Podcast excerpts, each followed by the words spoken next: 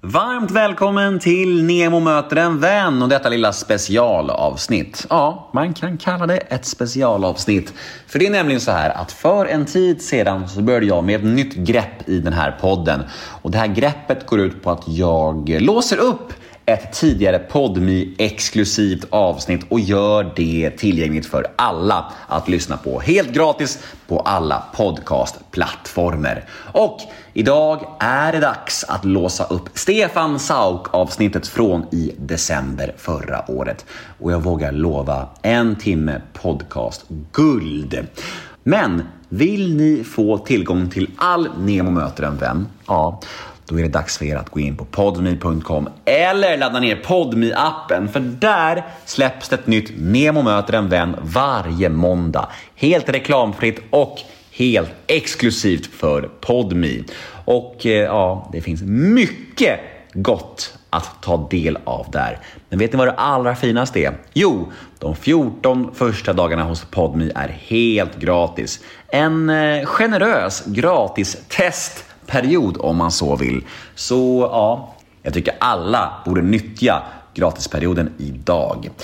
Ja, vill ni mig något så finns jag på gmail.com. Jag finns också på Instagram, där heter jag nemohedén i ett ord och den här podden klipps av Daniel Eggemannen Ekberg. Nu kör vi! Här kommer Stefan Sauk. Men först av allt, en liten jingel. Nemo är en kändis, den största som vi har. Nu ska han snacka med en kändis och göra någon glad. Ja! Nemo, ja det är Nemo. Nemo möter en vän. Okej, då säger vi välkommen tillbaka till Nemo möter en vän, Stefan Sauk. Tack. Hej. Hur, eh, hur mår du? Jo men det är bra, det, var, det blev lite stressigt i morse här bara. Eh, jag är en sån där tidsoptimist, jag tror att jag ska hinna med så mycket. Eh, men det gör jag ju eh, också, fast det blir lite bråttom. Mm. Mm. Du, jag tänkte så här att den här podden ska bli helt transparent, för sånt tycker du om. Att Ja. vara ärlig och rak. Absolut. Eller hur? Ja. Och, jag, och jag blir ju inte klok på det ärligt talat. Jag får inget grepp om dig. Oj, Ja. Ja men då kör vi. Ja. Eh, och idag tänkte jag reda ut mysteriet kring Stefan Sauk. då. Lycka till. Jag håller på själv kan jag säga. Ja. ja. Men, det, men det är så intressant med dig för att det är min, min klippare då som har klippt min podd och hon sa så här Varför bjöd du in honom igen? Var inte du helt svettig efter podden sist? Uh, va? Hur minns du vårt förra möte? Jag minns att Sanna skulle filma det och det blev inte riktigt hund- jag har, jag har ju den där på film. Jag tänkte jag skulle använda den i något sammanhang men jag har inte gjort det för jag har, jag har inte haft tid helt enkelt. Men eh, eh, ja, jag minns egentligen att det var trevligt. Ja, Jag var lite svettig, det ska jag er- erkänna. Ja. Jo men det är jag lite van vid att människor är. Vad är det då? Berätta. Jag vet inte hör du. Jag vet inte vad det är som... Vi får inte glömma bort att vi bor också i ett väldigt ängsligt land. Va? Det är ju det är ju som att vi har en... Eh, när jag tittar mig omkring så börjar jag se eh, eh massa dagisbarn för vuxna. Det är lite så här dagisbefolkning lite granna. Eh, och går man på något, eh, hamnar man på ett spa, ja, då ställer vuxna människor upp sig i kö och så ska de lära sig, här går vi in i det här rummet och här ska vi tvätta oss med den här tvålen. Har alla förstått det? Och vuxna människor står och gör detta på fullt allvar. Jag tänker, det här är inte sant. Det här är en, alltså, en infantilisering av medborgarna som är helt åt helvete. Men var finns det några vuxna människor? Det är bara att titta politiskt så ser man, undrar vad fan, det här är bara en sandlåda. En slags Robinson-såpa. Nej, men det, jag, jag vet inte. Enkelt svar, jag tror att vi, bor, vi är lite ängsliga av oss. Eh, och sen har jag nog en aura omkring mig som eh, gör att, ehm, ja jag vet inte. Men är den medveten? Det är det. Alltså tycker du om att det är så eller, eller Nej, jag- jag- öser du på med det offentligt eller hur, hur funkar det? Nej, jag, nej. Alltså, jag kan, någon gång i början sådär när man gick på Teaterhögskolan och eh, nagelfor alla Marlon Brandos filmer och James Dean och Montgomery Cliff och de här ikonerna som, som man hade som förebilder. Då ville man ju vara lite bad boy sådär och ville, ville, ville mytbilda lite om sig själv. Men, eh, men det var i början sådär. Men sen, sen så eh, Jag vet inte, jag har alltid haft en stark intuition eh, för människor. Eh, lite för stark. Eh, och det låter konstigt när jag säger men jag är en, nu finns det en diagnos för det också, den hyperkänsliga människan.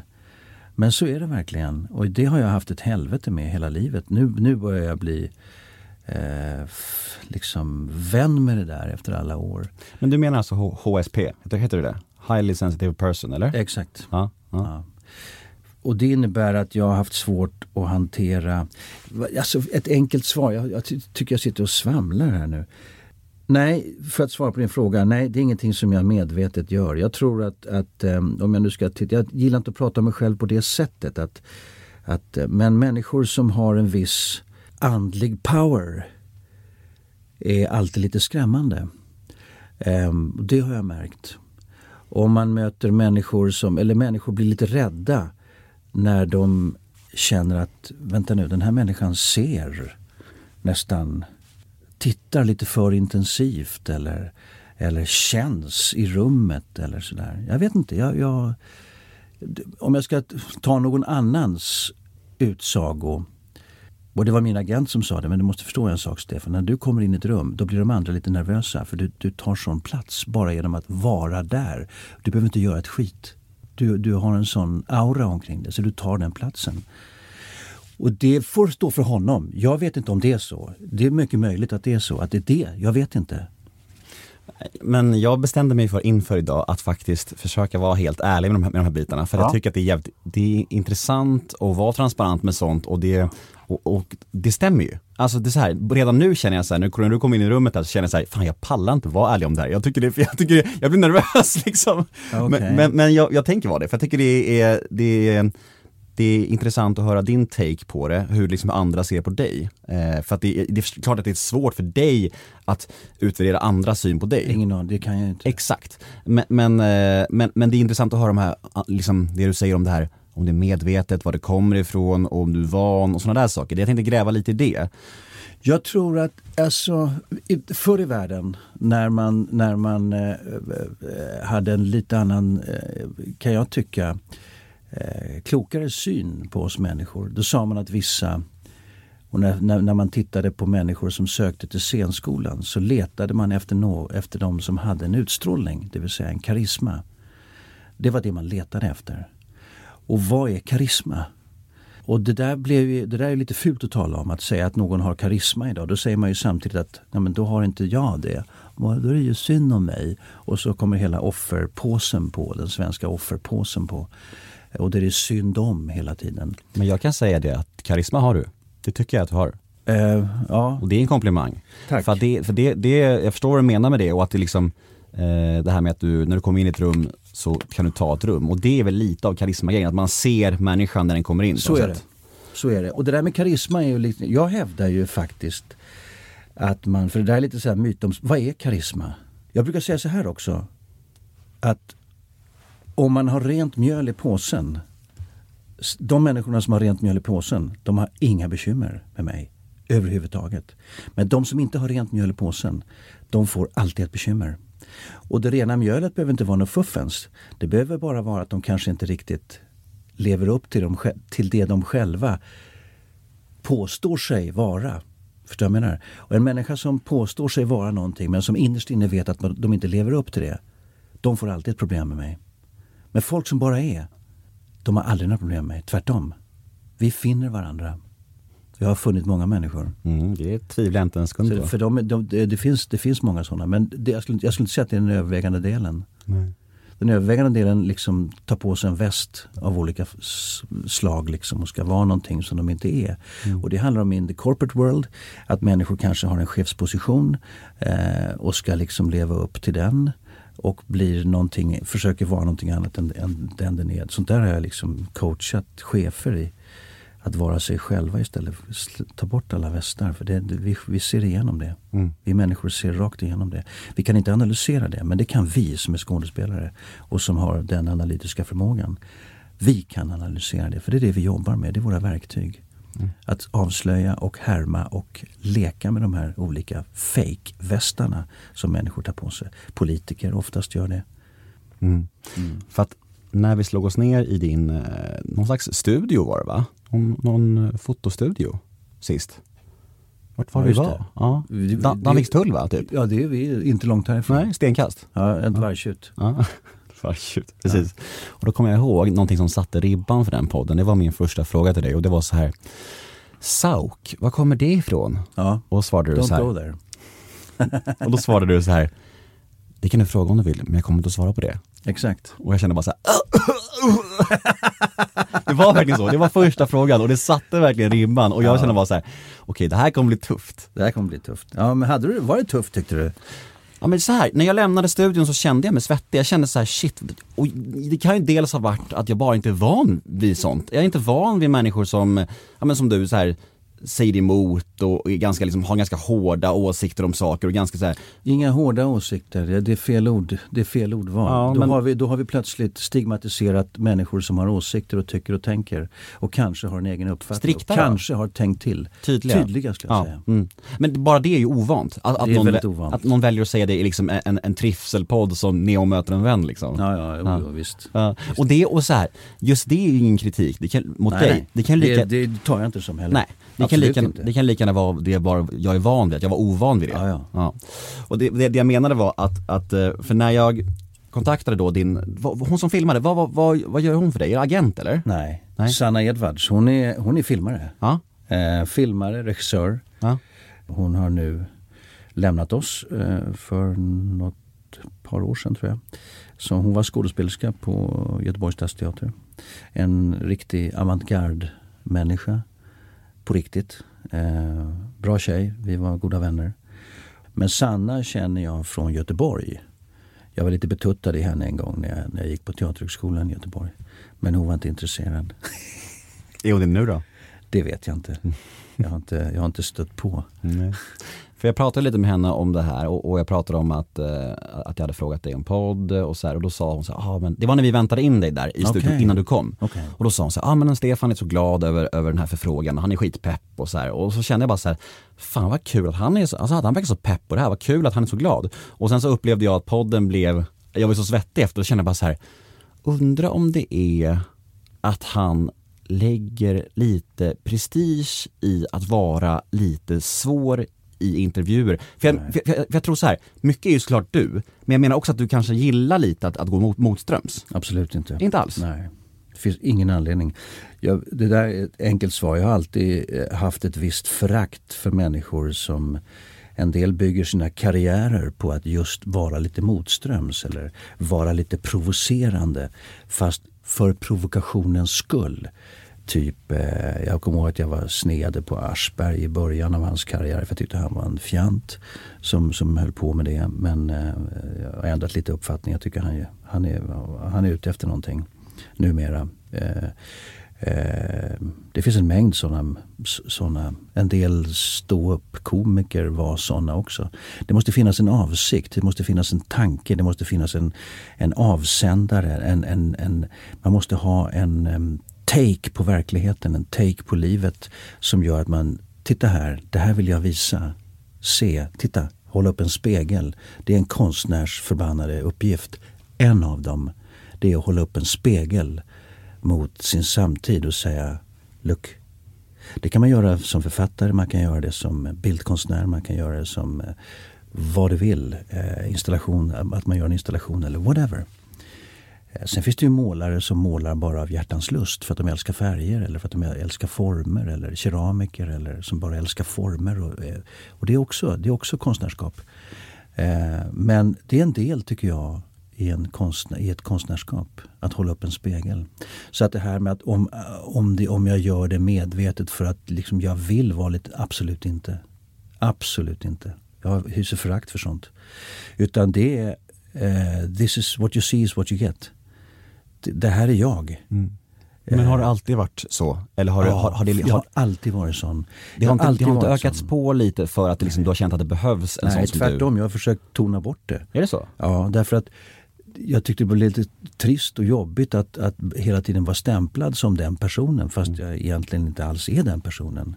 Utan jag är jag, men jag är kanske jävligt mycket av en jävla massa saker.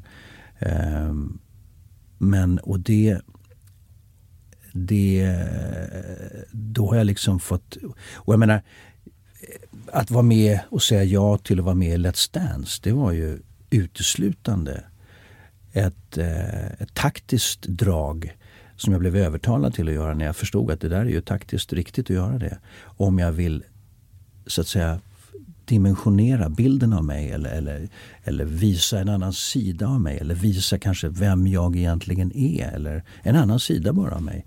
För den här stämpeln om den här svåra skådespelaren som alltid säger sanningen och alltid liksom eh, eh, ja, som är lite sådär grus i skon ibland i vissa sammanhang. För att han säger det som de andra inte vågar säga. Eh, och det kan röra sig om att jag till exempel om någon antastar en Ryan Reynolds here from Mint Mobile. With the price of just about everything going up during inflation, we thought we'd bring our prices down. So to help us, we brought in a reverse auctioneer, which is apparently a thing. Mint Mobile unlimited premium wireless. Ready to get 30, 30, bit to get 30, bit to get 20, 20, 20, bit to get 20, 20, bit to get 15, 15, 15, 15 just 15 bucks a month. So, Give it a try at mintmobile.com slash switch. $45 upfront for three months plus taxes and fees. Promo rate for new customers for limited time. Unlimited more than 40 gigabytes per month. Slows. Full terms at mintmobile.com. tjej till exempel på en avslutningsfest på någon filminspelning så kan jag, då är jag den som går fram och säger du, hon säger nej så get the fuck out of here. Eller så kan du snacka med mig istället. Men har du känt att du kanske utesluts från vissa sammanhang Oh yes. och rum Oh på yes. grund av det här? Oh yes. Därför att det, det, det, jag, det, man, det, absolut. Jag har betalat ett väldigt högt pris för det. Men jag har alltid, det har alltid varit också en slags mentalhygienisk eh, åtgärd från min sida om du förstår vad jag menar.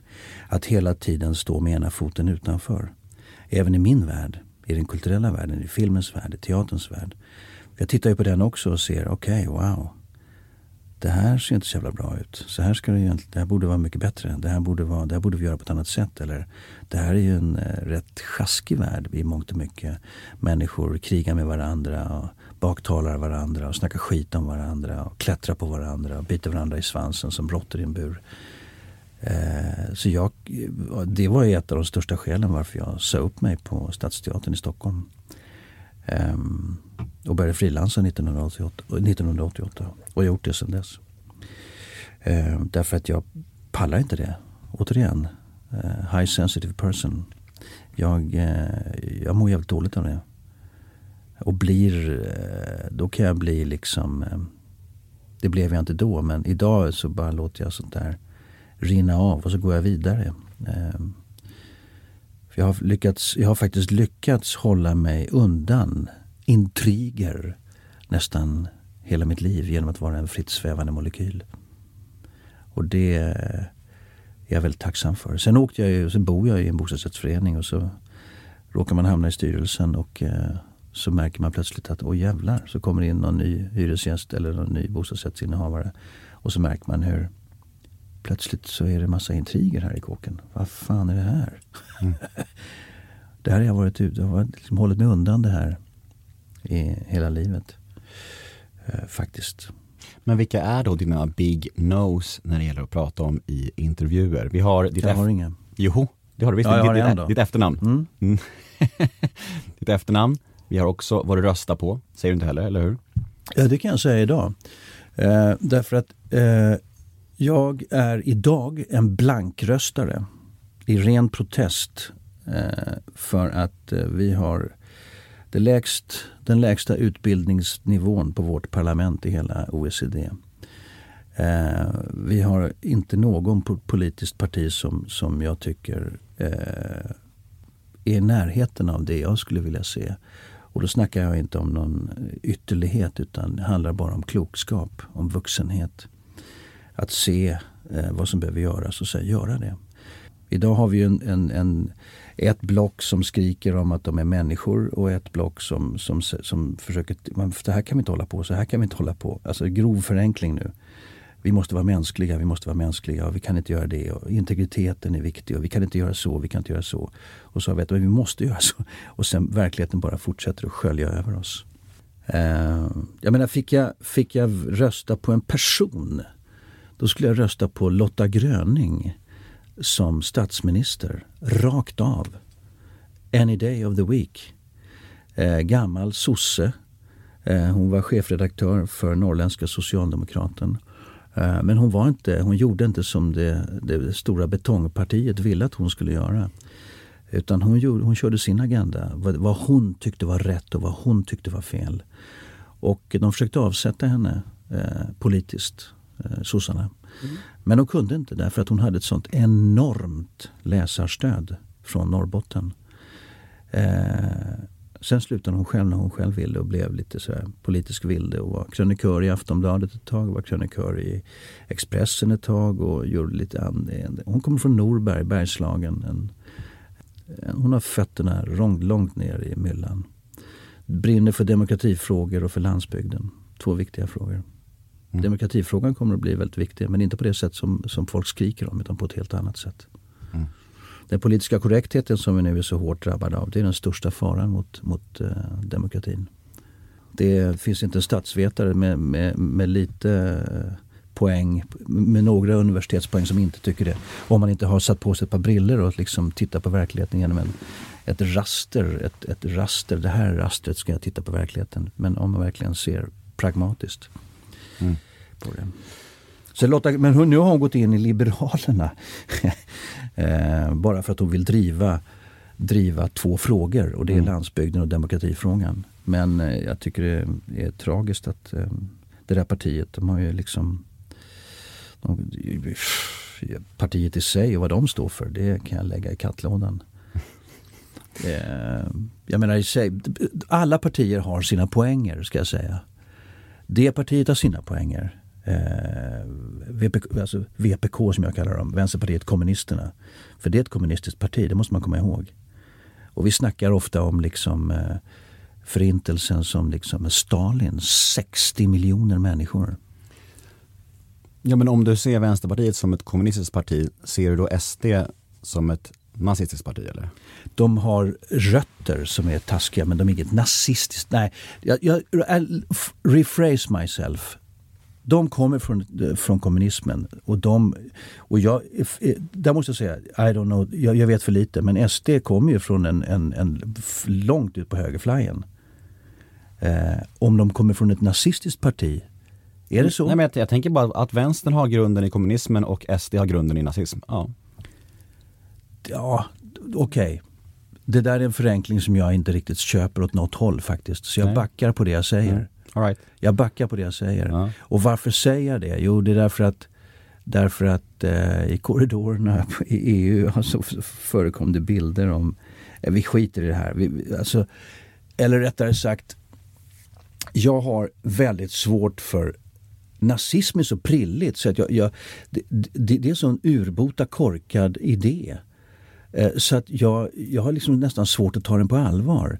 Det enda, enda skälet att, att jag måste ta den på allvar är att historien ser ut som den gör. Att vi, vi hade en nationalsocialistisk eh, dårskap i Tyskland på 30-talet.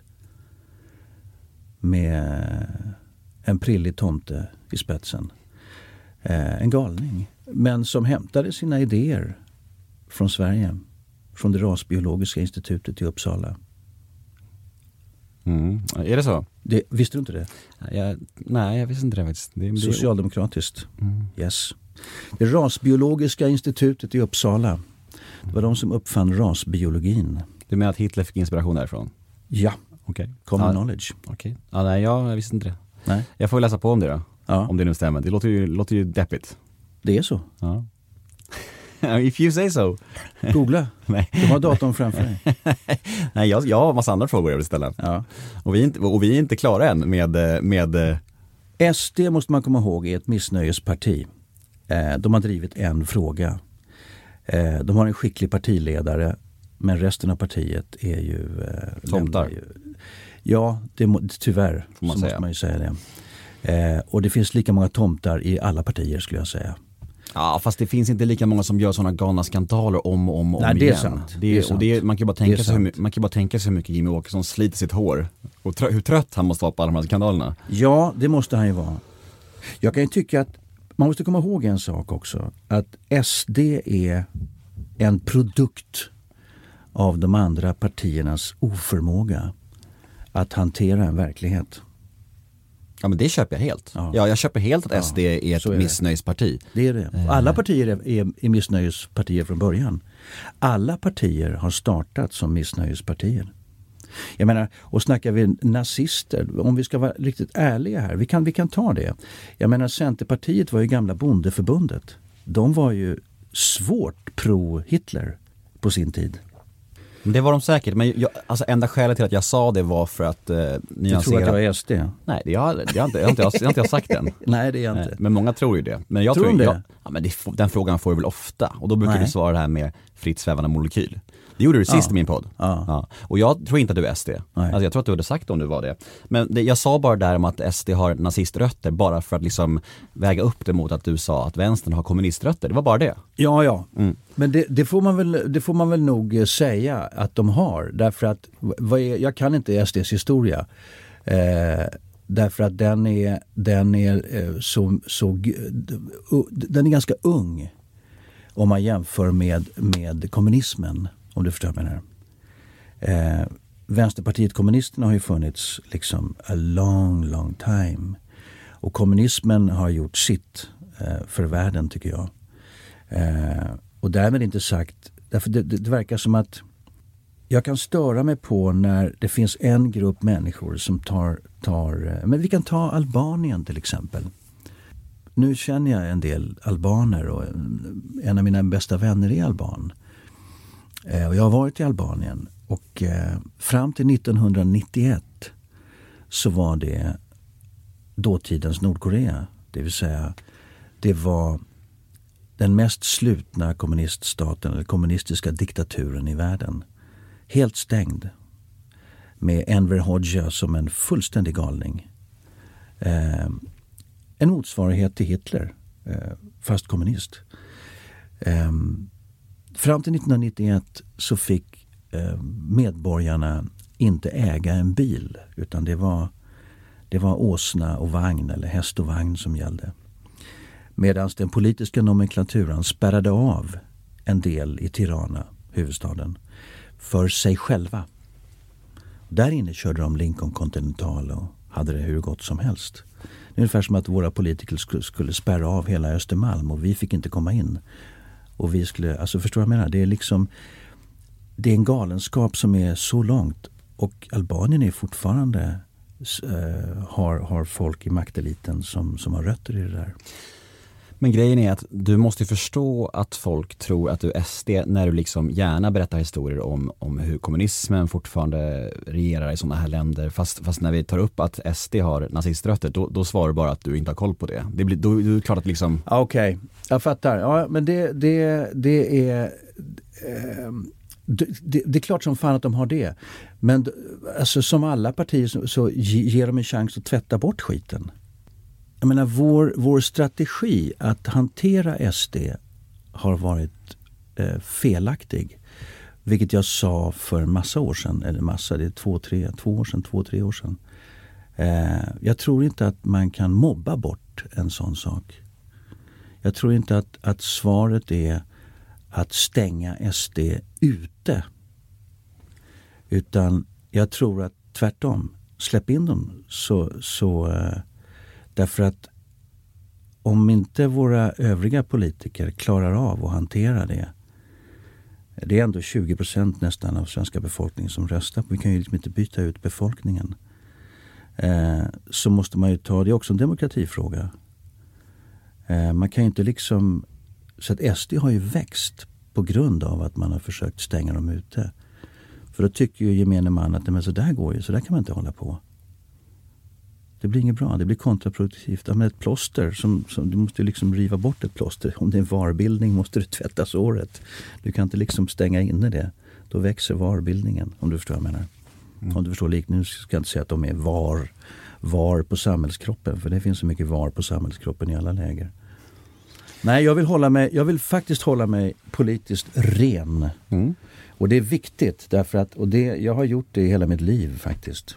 Det får du göra. Men, men eftersom du är så rak och, eh, och sådär så får du får du tåla lite mothugg. mothugg. Ja absolut, ja men det är bra. Mm. Det är bra, det är bra därför att eh, det är bra också att, att eh, tvingas, för det här, de här grejerna formulerar jag aldrig. Eh, faktiskt. Nej, menar- ibland behöver man någon som hugger emot för att, form, för, för att liksom for- formuleringen ska liksom bli mer tillgänglig. Ja. Jag tror så här att eh, SD har ju drivit en fråga. Eh, och det, det har att göra med, med eh, eh, vår migrationspolitik. Hur ska vi hantera den? Eh, och det är ett, ett enfrågeparti från början. Så vitt jag eh, ser det utifrån min kunskap. Förenklat. Eh, och det är en fråga som behöver tas i. Därför att vi har inte lyckats. Integrationen har, har ju inte lyckats en sekund. Tyvärr. Nej, men kanske skulle SD bli mer accepterad av övriga partier och övriga väljare om de även tog tag i fler frågor. Det är kanske det som också för många människor. Det tror jag säkert. Det tror jag säkert. Och sen är det ju som du säger, man kan inte ha eh, eh, partifolk som springer runt och slår folk i skallen med järnrör. Det funkar liksom inte. Nej. Det här är ju minerad mark också på ett sätt. Därför att och nu har vi ett val om ett år. Det kommer att, liksom, det kommer att skruvas upp oerhört i Sverige tror jag. Det blåser upp till storm. Ja, det tror jag verkligen. Och jag tror att det, det är, man måste hålla eh, huvudet kallt lite grann. Eh, för att vi, vi har blivit också väldigt, jag menar sociala medier har gjort att det har blivit en slags pöbelmentalitet lite grann. Någon säger något någonstans och så eh, du vet, du kan säga ett ord fel så, så är du hudflängd i sociala medier. Ja men där är jag helt med dig. Ja. Att det, att, eh, att, Var är du inte med mig någonstans? Det, finns, det finns vissa ämnen. Ja, Men, men jag tycker det är härligt att diskutera. ja. Eh, nej, vad jag skulle säga om sociala Vad medier. röstar du själv på? Eh, Jag vet inte vad jag kommer att rösta på nu, men förra valet så tror jag att det blev Vänsterpartiet och valet innan Miljöpartiet.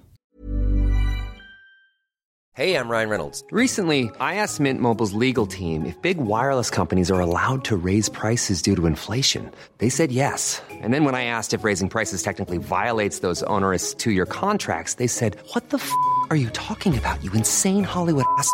F- So to recap, we're cutting the price of Mint Unlimited from $30 a month to just $15 a month. Give it a try at mintmobile.com slash switch. $45 upfront for three months plus taxes and fees. Promo rate for new customers for limited time. Unlimited more than 40 gigabytes per month. Slows. Full terms at mintmobile.com. Och valet innan sossarna, tror jag. Jag var med och röstade in Miljöpartiet när jag tyckte att, att de skulle in i riksdagen. Därför jag tyckte att miljön är viktig och tycker fortfarande miljön är viktig. Men sen har ju Miljöpartiet utvecklats till någonting som inte är ett miljöparti längre. Jag menar, de missar ju de stora frågorna. Jag menar, Svenska skogen till exempel. Ja, men där kan jag ändå hålla med dig att de enda part- två partierna som faktiskt står för någonting är ju Vänsterpartiet och SD. Och, och det är ju problematiskt, så är det ju. Det, Mm. det köper jag helt. Jag vill ändå, jag har vissa, vissa ytterligare frågor om, Kör. om vårt förra möte och, och, Okej. och efterdyningarna efter det. Ja. Även om du inte minns som lika svettigt som jag, så, så, så vi ska försöka refresha ditt minne lite grann. Okej. För grejen var så här, efter det, det avsnittet, eh, för jag sa ju till dig att jag var lite så här, ja men jag var lite, inte skakad, men lite svettig efter. Och då kände jag så här, fan det kanske var jag helt enkelt som bara hade en dålig dag, jag kanske inte gjorde något bra jobb liksom. Men sen så släppte ju Sveriges största podd ett avsnitt där de tog upp vår podd. Alex och Sigge Aha, pratade om den intervjun i sin podd. Aha, okej. Och hade ett långt segment om att de tyckte du var tuff mot mig och att du var svår med mig. Det här måste du ha nåtts av. Nej. Är det sant? Ja. Okej. För att eh, Sigge gjorde någon 30 minuters utläggning om eh, alla grejer han tyckte, tyckte du var lite så här hård mot mig och svår och så här. Jaha. Eh, och, och, eh, och då kände jag bara så här, när jag hörde det så kände jag så här, han kanske var tuff mot mig, det kanske inte bara var jag som hade en dålig dag, jag, jag vet inte. Och då blev det lite så här, fan det är nog, det är nog Stefan ändå som är en jävligt svår, ett svårt intervjuobjekt. Men vad jag menar är då, om du nås av till exempel, vi säger kommentarer på Instagram, eh, vad som helst. För jag minns att du la upp vår podd på din Instagram då och sen så kom det in några kommentarer om att du kanske var lite tuff mot mig. Då tog du ner det inlägget. Det här, det här, det här är sant, det här minns jag. Okej. Ja. Och då undrar jag, när du får kommentarer om att du kanske, några negativa kommentarer, kan det nå in i dig eller rinner det bara av dig? Allt når in i mig. Och en del sitter kvar länge. Jag har blivit bättre på att ehm, inte bli så drabbad av det. Men det absolut, det når in i mig. Men när du hör en sån sak som att Sigge gjorde en, en lång, lång, lång Jo, men de harang där, om det. Jo, jo men de, de där eh, eh, pojkarna, de har ju liksom... Jag menar den ena har gjort karriär på att vara ett svin mot andra människor. Vilket är, det, finns en, en, det finns några till sådana. Eh, och att göra karriär på att vara taskig mot andra människor och trampa på andra människor. De människorna går bort från mig från första början. Jag hyser inget annat än bara, nej, det går bort. Så jag har, jag har liksom, det där är, en, vad de säger, en icke-fråga för mig faktiskt. För att det är också så här att, jag menar, det var, jag gör lite dumheter på en Facebook-sida. Um, av hjärtans lust ibland och ibland för att jag blir förbannad på någonting och så vidare. Och försöker hålla upp en spegel. Och egentligen bara uppmana till eftertanke och uppmana till titta här, tänk själva för helvete. Köp inte liksom eh, flockmentaliteten utan tänk. Eh, så här ser det ut. Man, vi, vi, vi drabbas liksom av ett mediaflöde i Sverige. Eh, och det är så lätt att tro att liksom, ja men så ser verkligheten ut. Den gör inte det. Den ser, den ser oftast är den mycket mer mångfacetterad. Eh, och ofta kan det vara helt tvärtom. Så att ehm, det är bara en uppmaning till att se, se och tänk själva. Faktiskt. Eh, anledning till att göra de där sakerna på, på Facebook. Och eh, jag gjorde någon, någon eh, början, jag hörde ett radioprogram och där två radioreportrar, eh, det hade brunnit en väldig massa bilar i Göteborgstrakten. Eh, och, det, och, då, och jag hörde det på radion och det var så uppenbart, jag skulle in och repa en grej. Jag tyckte, det, här, det, här, det, är så, det var så tydligt så jag härmade då eh, de här journalisterna sen i ett, ett, ett videoklipp liksom. När de eh, försökte förstå hur det kunde komma sig att eh, det brann så mycket bilar i Göteborg just vid det här tillfället. Eh, och vad kan det bero på? Kan det vara, kan det vara så att de, är det, finns det en, ett missnöje med någonting? Har vi gjort något fel? Har vi eh, bla bla bla bla bla bla? Vi frågar polisen och så frågar de, ja, nej det, det brinner lika mycket bilar i Stockholm. Va? Och så liksom, det var egentligen bara en, det här är en skärv av. Vad, vad man egentligen skulle se där det var medias, alltså medias representanter är också en del av problematiken. Därför att ofta så lever de i skyddade, jag menar bra bo, boenden, eh, liksom Södermalm här i Stockholm eller whatever, Bromma eller whatever. Och har inte liksom, man vill inte se, man vill liksom inte, verkligheten som den är i sin brutala eh, klarhet. Vi kan inte riktigt acceptera den. Vi har svårt att acceptera den skulle jag säga. Och då försöker man hitta förklaringsmodeller. Och det var så uppenbart att man försökte hitta förklaringsmodeller som inte hade ett skit med verkligheten att göra. Och det vill jag bara ge en bild av. Och det, hade de, det, det fick jag höra mycket, att de hade haft ägnat ett poddprogram åt, åt liksom, vad vill Stefan Sauk egentligen? Vad, vad, vad är han ute efter? De förstod ingenting. Men man tycker ju ändå att, att när de... Vilket jag tycker är korkat. Men Det får du absolut tycka. Det tycker man väl alltid när man, när man blir påhoppad i något sånt här sammanhang. Det kan jag förstå. Nej, inte alltid. Ibland är det relevant. Jag menar, jag tycker att du, du hade en relevant påhopp här när du pressade mig på det här med SD. De har ju, de har ju rötter i nazismen. Och så, ja men ja det har de ju och så vidare. Ja, det, det tycker jag är relevant. Jag har inga bekymmer med det. Men när du hör liksom till exempel då, ja men vi säger till exempel då Alex och Sigge pratar, eller i det här fallet då att de pratar om att du kanske var tuff mot mig. Det hade, det hade inte du nåtts av säger du. Nej, det är sant. Vad- ja. vad- t- tror du att jag sitter här och säger saker som, jag, som inte stämmer med verkligheten? Nej men jag tror så här, den podden är så jävulskt stor. Men jag lyssnar inte på poddar. Nej jag vet, men det är ändå, du, och det kan omöjligen vara så att du inte har någon vän som nämner det för dig i förbi- förbifarten. De, alltså de här grabbarna snackade om dig. Det måste ha hänt. Jo, det, det är så jag känner till att de, att de eh, nämnde, eh, snackade om det här eh, klippet jag hade gjort. Ja. att någon nämnde, jag hörde att eh, Alex och Sigge bla bla bla. Ja. Så fick jag reda på det. Ja. Men jag går ju inte och lyssnar på det. Nej det fattar jag, jag nej. fattar det. Men, men, Men det var så på, jag hörde. Men, men, på men, samma sätt det så borde de ha nämnt att Nej, nej det har jag med inte. min podd. Nej, faktiskt Nej. inte. Faktiskt inte. Nej. Men jag tänkte bara, eftersom att du la upp ett inlägg om, om vår podd, att du gästade den och sen så togs det ner, då tänkte jag ändå så här, ja men då kanske han har tagit lite illa vid sig av kommentarerna och kanske känner sig lite ledsen över att folk upplevde honom så och därför tog han ner det. Alltså det har jag inte sportmössa till minne av. Nej. Faktiskt. Synd.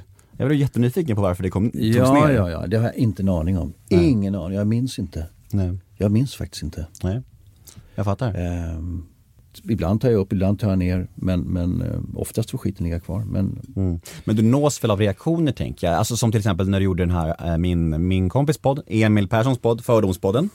just det. Ja, då var det också mycket reaktioner på att du, du är ju pass, ja, men, ja, men, speciell, liksom intervjuer och så här. Du, då, nås av några reaktioner, reaktioner alls? Eller, och då bryr du dig om reaktionerna? Eller är det bara så här att, eller tycker du bara så här, ja men det, folk får väl tycka vad de vill liksom ungefär?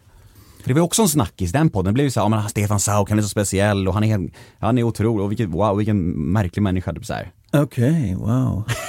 Nej, det Nej. nåddes jag inte av. Nej, det ser. Skönt ändå. Att, det är, Ja. att du är som en egen, liten egen värld. Jo men det är lite så. Jag, jag är eh, lite grann så faktiskt. Mm. På ett sätt, jag är en väldigt social person men jag håller mig också väldigt mycket undan. Och eh, sen är det ju så att jag har ju liksom levt mitt liv genom att eh, jag är så van att människor tycker och tänker saker. Och i början tog jag väldigt illa vid mig. Men numera gör jag inte det på samma sätt. Om det inte är saker som, nej, om jag känner mig så här där någonting inte, alltså man är misskrediterad på ett sätt som är som, som är infamt eller, eller, eller elakt sådär. Men, men, men att, att den där typen av kommentarer, ja, jag tar dem till mig. Jag tar åt mig, de sitter kvar. Men jag ruskar på mig och går vidare skulle jag säga. Därför att annars skulle jag gå under. Ja, du, du låter det inte förändras någonting baserat på kommentarerna? Jo, absolut. Eh, inte så att jag liksom, för att grejen är också den att om jag börjar stoppa upp ett finger i luften eh, som, ska inte nämna namn här då. Men och liksom se vad, vad är häftigt, vad tycker folk är ballt och liksom det här ska jag göra nu, det här ska jag Nu får du nämna namn tycker jag. Alex och Sigge tycker jag gör det.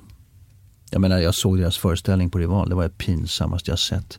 Två små pojkar som skulle gå upp och ställa sig på en scen och försöka eh, göra sig eh, eh, liksom som goda, fina, gulliga, rara människor. Eh, och stod med händerna i byxfickorna och försökte se coola ut samtidigt. Och det blev, det blev väldigt konstigt. Varför såg du den om du var så skeptisk? Jag var nyfiken. Jag blev bjuden på att se den. Vi har samma produktionsbolag. Jag tyckte inte det var bra men sen vet jag att, eh, att eh, Alex skriver böcker som, som eh, folk gillar. Jag har inte läst dem men och respekterar. Så att, så att, eh, som eh, författare ska jag inte säga någonting men, men eh, på en scen kan jag, kan jag säga mycket. Men det ska vi inte snacka om. Jag, tycker det, det, jag, jag, jag vill egentligen inte överhuvudtaget, det här tycker jag vi kan redigera bort hela den här skiten. Därför jag, jag vill inte sänka mig ner i den geggan att, eh, att prata illa om andra. För jag, det, det får andra hålla på med. Jag vill hålla mig ren från det faktiskt. Jag tycker inte du pratar illa om andra nu. Jag tycker, jag tycker du svarar utifrån din profession som skådespelare. Om, eh, du, Ja, ja. Du, men däremot är jag Visst. nyfiken på en annan sak här. Ja. Du privat kontra du offentligt. Är det samma människa vi får se här som vi får se när du sitter och tar en kaffe med en kompis? Eller Ja. hur, hur skiljer det sig? Ingenting, det är samma. Men jag, men jag undrar lite om hur du är i, i konflikt. Är du bra på att be om ursäkt? Om jag vet att jag har gjort fel, då ber jag alltid om ursäkt. Mm. Alltid. Hur blir du när du blir rädd, ledsen, tvivlande? För det känns som att du är så pass utåt sett, du vet, finns den här pondusen, det är väldigt starkt och det är liksom så här tydligt och du känns otroligt trygg i dig själv. Då blir man nyfiken på hur du blir när du liksom tvivlar och blir liten. Oj. Vi säger så här. jag tror att det finns en naturlag som gäller oss människor. Att om du kan vara så här stark eh, som du nu beskriver det, eller uppleva så stark, då kan det vara precis, då går den kurvan lika långt ner i botten åt andra hållet. Om du bara kan vara så här stark, då går den dit. Förstår du vad jag menar? Så mina berg och dalbanor, de är så här. Och de demonerna jag sliter med, ja, nästan on a daily basis, det handlar ju om att räcka till, att har jag gjort rätt, har jag gjort fel? Eh, har jag... En massa saker. Så att... ehm, Har du någon särskild trigger för det, när det blir mörkt för dig? Ja, till exempel att man blir påhoppad av någon som man tycker att den där människan hade någonting att säga om mig.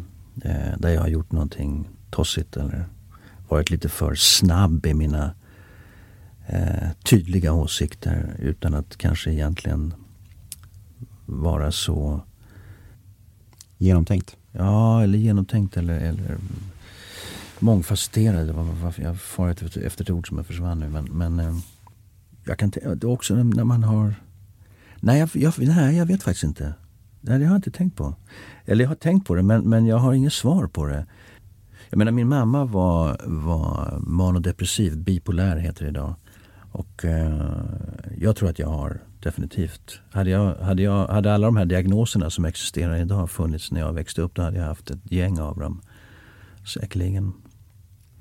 Vet du Stefan?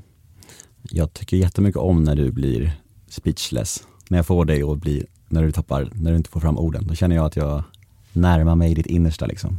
Ja, men det tycker jag är bra. Det, det, eh, jag, är inte så, jag är inte rädd för det, eller jag har inte, inga bekymmer med det. Därför att det, det jag menar, vi är människor, vi, vi, vi, vi, vi sliter alla med våra tillkortakommanden. Och vi, vi, eh, vi kämpar för att hålla, oss, hålla näsan ovanför vattenytan. Och vi har skapat en värld som vi ska leva i, som vi inte är gjorda för. Eh, med en stress och en, en eh, digital stress och en, en verklighet som, som våra hjärnor är inte, är inte programmerade för den verkligheten som vi lever i idag. Så idag behöver ju alla gå och lägga sig på soffan och bollplanka med någon för att liksom försöka sortera alla intryck. Jag menar, jag har skrivit en bok tillsammans med en hjärnforskare som heter Att tala inför folk. Där vi snackar mycket om, om hjärnan. Och nu var ju han också väldigt klok och kunnig. Han var inne på exakt samma saker. Anders Hansen, den här läkaren som talade i eh, han, är inne på, eh, han pratar om exakt samma saker som vi skrev i den där boken. Vi skrev den för vad är det, fem år sedan eller något sånt där. Eh, hur vår hjärna spelar oss spratt. Och jag tror att om vi snackar politik sådär så måste vi de som ska styra och ställa med, med oss människor måste erkänna, de måste ha kunskap om vilka vi är. Vi är människor. Och vad är en människa? Homo sapiens sapiens. Um, vad är det som styr oss? Och vad, vad, hur reagerar vi och så vidare? Vad vill vi egentligen? Jag menar, det finns ju såna här gamla uttryck som vi kallar för klyschor. Var och en är sig själv närmast och så vidare. Ja, men det är sant. När det börjar knipa i kalsongerna, då är vi oss själva närmast. Så är det ju. Jag menar, jag har flera eh, kompisar som är, som är vänsterpartister. Men jävla vad de gillar privat sjukvård kan jag säga, när, när, när, när det kniper. Till exempel. Så att, um, vad snackade vi om? Förlåt, jag, Det är helt okej. nej men jag glider iväg. så Ja men det är lite av det som är poddens charm också. Man, man får sväva iväg. Det är bara härligt. Jo men jag gör det, där kan jag vara jävligt trött på mig själv. Alltså jag ska säga och berätta någonting och så börjar jag babbla och så kommer det tusen tankar. Det, går, alltså det är ett, det är ett eh, varje dag eh, så måste jag sätta mig och meditera. Jag måste börja dagen med att göra det. Därför att det är sånt, det är sånt snurr här uppe i hjärnan. Ehm, så att, Jag, Ja, tror, är så. jag, jag tror så här, ja, men jag, jag ler för att jag, jag känner igen mig dels. Men sen så tänker jag det här, vi pratade lite om diagnoser och att du är ju, eh, du är 67 va? nej, Nej, du är inte 67. nej. Hur gammal är 56. du? Säkert. Jag har strukit 10 år. Ja, det är härligt. Ja, du skulle kunna vara det. Alltså om man tänker på hur, hur, hur Jag är född 55 och då är man inte 67. Då är man 56. Om man har stuckit tio år. Ja, sant, det är sant. Men jag menar, det här med diagnoser och så här, du, du var inne på HSP, Highly Sensitive Person, du var inne på manodepressiv. Vi kan nog lägga in en släng av lite narcissist va också? Och lite ADHD. Så är vi nog hemma sen va? Om du talar om för mig, vad är en narcissist? Narcissist är ju, jag tycker så här att det är ju jag tror inte det är en diagnos, det är väl snarare någon slags personlighetstyp och det är väl in, det har fått en ganska negativ klang är det ju. Eh, men jag tror så här, det är en otroligt stor skillnad mellan att vara en narcissist och ha den personlighetsstörningen och att ha narcissistiska drag som jag tror att både du och jag har. Berätta, vad är ett narcissistiskt drag? Drag Ska jag, så ska jag svara på din fråga. Eh, ja men, vi kan läsa, ska vi göra det? Jag googlar, så får du, så får du eh, svara. Vill du det? Mm. Jag tycker det är intressant eftersom jag själv har eh, kallat Ja, men jag tänkte eftersom du sa, satte en stämpel i pannan på mig så vill jag veta vad du menar med den Jag sa att det fanns drag Stefan och att jag sa att det fanns fyra diagnoser till också. Så att, ehm, och dessutom sa jag att jag själv har fått kall jag har blivit kallad narcissist av mina ex då och då. Det känns ja. som att det är lite trendigt av tjejer att slänga i, i killars ansikten när det tar slut. Det, det, det, det, Är det så? Ja, men det är typ så. Eh, så ska vi läsa här. Är. Kan, du, kan du googla Rasbiologiska institutet sen också? Okej, är du med då? Mm. Det är sex exempel här, så får du säga om du känner igen dig i no- i någon av dem då. Är du med? Mm. Ja. Spännande här. Ja, kör. Eller hur? Första är en överdriven känsla av sin egen storhet. Fel. En ständig förväntan av att bli beundrad och berömd. Fel också. Förvänta sig att andra Förvänta sig att av andra betraktas som, som eh, överlägsen. Fel, så det dammar. Överdrivet skryt och förstorande av sina egna åstadkommanden och talanger. Fel. En upptagenhet med fantasier kring framgång, makt, briljans. Nej, fel. En upplevelse av att eh, man bara passar ihop med andra storartade personer. Synnerligen fel. Inte ett skit stämde överens. Jag kan säga det på riktigt alltså, därför att jag har ägnat så mycket tid åt navelskåderi eh, eh, och bollplankat eh, på soffan. Eh, så att, och jag är faktiskt jävligt ärlig med mig själv. Jag kan tycka att jag kan störa mig till exempel på om, eh, om jag inte blir respekterad för den jag är. Av människor som borde respektera den jag är. I ett yrkesperspektiv. Det kan störa mig. Men det är det enda som skulle eh, kunna vara en liten touch av det där. Så att narcissist, absolut inte skulle jag säga. Nej. Nej. Nej men som sagt, det var... Jag är driven av ett, av, ett, eh, av ett rättspatos. Jag är driven av att rätt ska vara rätt. En del, jag har blivit kallad för rättshaverist av någon när jag var inne och snackade så mycket om höftleder och svensk sjukvård. Vilket jag kommer fortsätta med. För nu har jag fått så mycket information om, om saker så att det är en stor jävla skandal. Eh, så att jag är driven av det. Det är det som driver mig. Och då är vi tillbaka till det här med att hålla upp en spegel. Eh, och det har inte att jag ska liksom... Nej, det där är fel. Okej. Narcissist är svinfel skulle jag säga. Nej men du, ja, men vad fan, vem är jag att sätta diagnos på dig? Jag sa att det fanns, att så här, jag, jag, jag, tror, jag, tror så här, jag, tror, jag tror så här, det finns drag och det finns eh, korn av narcissism hos nästan alla människor som lever i offentligheten. För det handlar ju om att man vill höras, man vill synas, man har ett behov av att vara i centrum. Så är det. Och det, det, det, då tycker jag att man använder helt fel, fel eh, uttryck. Det är helt fel vokabulär. Vilket vi är väldigt eh, duktiga på att använda fel ord för saker och ting. Framförallt i vårt, eh, eller nu det gör vi inte bara i Sverige men vi gör det väldigt mycket. Eh, det där handlar om bekräftelsebehov. Det är en jävla skillnad.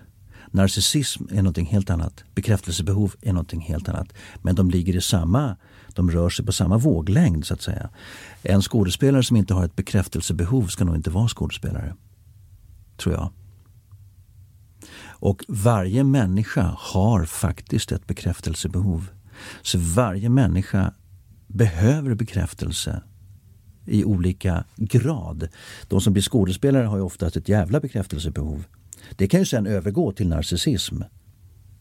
Det, finns många narcissister i, eh, i skådespelarvärlden kan jag säga. Jag har många, därför umgås jag knappast aldrig med, med andra skådespelare. Utom ett par som jag liksom, som är med fötterna på jorden, som jag kallar det. Fan, jag vill hitta fler. För förra gången jag läste på om narcissist, då fanns det mycket mer Alltså fanns du det ville mycket få mer... in mig där i alla fall. Nej det vill jag inte. för, för, nej, vet du varför jag, jag, vill, ha, jag vill ha fler drag? Vet du varför? För att sist jag läste om det så kunde jag känna igen mig i flera Ja. av dem. Nu känner jag bara så här, fan det där är inte någon av dem där, Nej. inte jag. Så det är jag blir lite, lite... Jag tycker det där är, man ska vara försiktig med de där stämplarna därför att vi använder ord som, som egentligen är, är felaktiga för saker och ting och som är alldeles för starka för vad det egentligen handlar om. Bekräftelsebehovet är ett viktigt behov. Jag menar barn är ju experter på att söka bekräftelse. Och det ligger i vår natur att söka bekräftelse. Och om vi, vi är flockvarelser, vi är biologiska varelser. Jag vet att det är att skita i blåskåpet att säga det men vi, både jag och resterande av vetenskapen har nog väldigt svårt att bortse från att vi faktiskt är biologiska varelser. Däggdjur. Med en hjärna som är, som, är, som är programmerad för den tiden när vi gick på savannen med en klubba i handen. Och därför har vi bekymmer idag. Du Stefan, vi ska börja runda av snart. För vi är ändå så... Vi har inte ens börjat. Vi har, vi har varit, snackat i en timme. Är det så? Ja. Okej. Det, det känns det aldrig som, jag vet det. Det är märkligt det där. Jag tror du sa det sist med. Vi har inte ens börjat. Exakt, Nej. exakt de orden. Roligt. Eh, Men, men just, jag försöker hålla mig till en timme, jag tycker det är lagom. Men jag har en avslutande fråga. Vaccin. Det, Ja. kän, det känns som att du, det är, lite, det är lite svårt, alltså om man tänker Stefan Sauk, jag, kan- jag kan inte riktigt tänka vilken, vilken sida av det här som du är på. Pro or against? Jag är dubbelvaccinerad. Du är det? Ja. Mm. Du skulle kunna vara någon som ändå är skeptisk mot vaccin. Alltså om vi, inte- om vi inte hade haft vaccin då hade vi haft polio, vi hade haft tuberkulos, vi hade haft eh, en jävla massa saker. Smittkoppor, you name it. Ja, jag vet, men nu snackar vi om det här vaccinet. Ja, och eh, nu råkar jag veta en del om det här vaccinet. Eh, I och med att jag har suttit och snackat med de här, bland annat med professor Fredrik Elg som var med och forskade fram de här, de här eh, RMNA-vaccinerna i USA på 90-talet. För det var då man forskade fram dem. Sen har man inte haft anledning att använda dem. Men tekniken forskades fram då. Det finns mycket snack om vaccin hit och vaccin dit. Jag förstår att det uppstår konspirationsteorier. Alltså det, det, det har jag, jag, jag förstår det. Men eh, nej, jag är, jag är för att vi ska vaccinera oss. Ja. Mm. Är det för att du är en skådis som står på scen och vill ha fulla hus? Nej, jag tycker man ska ta en för laget. Jag tror att det här är någonting som vi måste göra. Mm. Faktiskt. Jag tror att eh, Eh, och det har ju också, sen finns det ju då, jag menar det finns, internet är ju en, en soppa av dynga.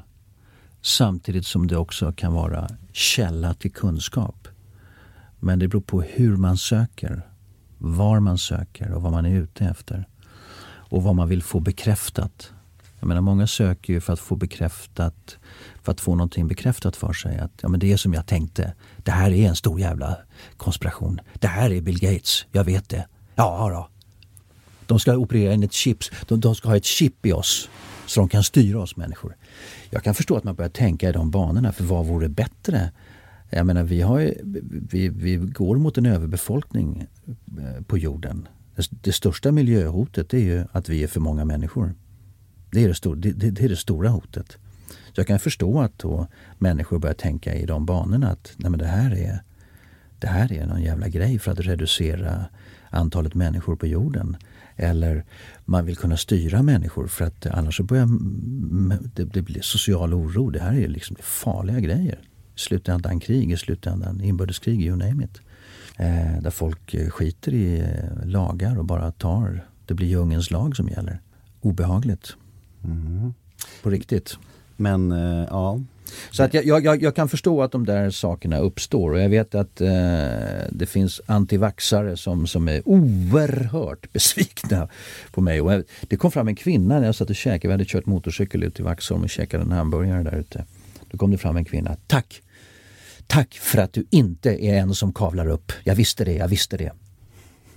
Men det är ju för att folk har samma bild av dig som jag har, att du har, en, du har ju en antivax-aura kring dig. Är det så? Ja, men du Det är, för fel. jag tror, ja, men- fel. jag vet, men jag, jag, men jag tror att det, det ligger liksom i linje med, du har så här lite åsikter som är lite starka och tydliga och ofta, som oftast skiljer sig från andras åsikter. Och då tänker jag så här, ja men då, då är han en sån som kommer vara emot vaccin tänkte jag bara. Det var min fördom. Ja. Men Du vet, alltså vi, flocken har historiskt sett alltid haft fel nästan. Nästan alltid haft fel. Så att eh, det måste man ha klart för sig. Man måste lära sig tänka själv. Man måste lära sig söka kunskap själv.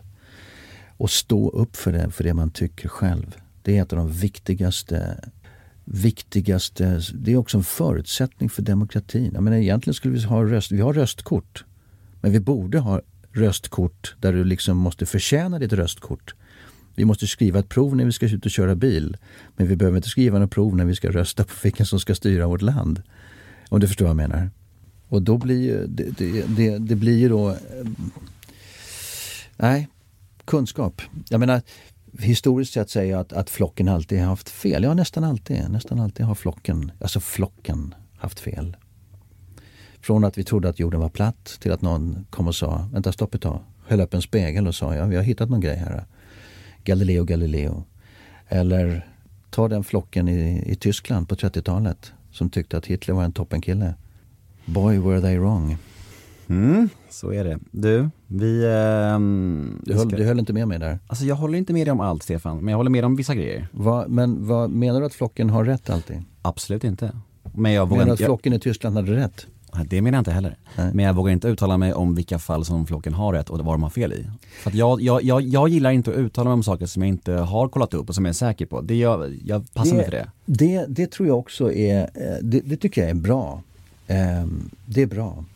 Jag däremot är eh, så dum i huvudet så att jag, jag ger mig själv tillstånd att utgå ifrån det jag vet. Det jag tycker mig ha sett. Det jag tycker mig ha förstått. Utifrån den kunskap jag besitter. Och sen ibland så måste jag revidera och tänka, fan här måste jag tänka till. Ja men det här är fel. Jag får revidera mig själv eh, också, såklart. Det är bra att du har det i dig. Ja, absolut. Bra. Trodde att jag inte hade det. Jag vet inte. Ingen aning. Vad är din uppfattning om mig som, som liksom... Det, ja, men det har, den har nog reviderats lite efter idag tror jag ändå, får man säga. Nu fick jag använda det svåra ordet också, revidera. Är det ett svårt ord? Ja, för mig är det. Okej. Eh, nej men eh, jag hade en uppfattning om dig sist och den är väl eh, lite förändrad och lite består idag. Okej. Men du är ju unik, det ska du ha. Och du har en karisma och du har sannoliken förmågan att fånga upp intresse. För att jag brukar ha ganska mycket kli i benen efter en timme. Och nu sitter jag ändå här och fortfarande lyssnar på varje ord du säger. Så att det är ju något om något, skulle jag säga. Okej. Ehm, Men jag är supertacksam att du kom hit igen för att jag vill ju lufta de här tankarna och känslorna och jag tycker ändå att du har svarat på allt jag har frågat dig om. Och det är ju kudos, respekt till det. Eh, och eh, ja, så får du komma tillbaka om, om tre år igen då.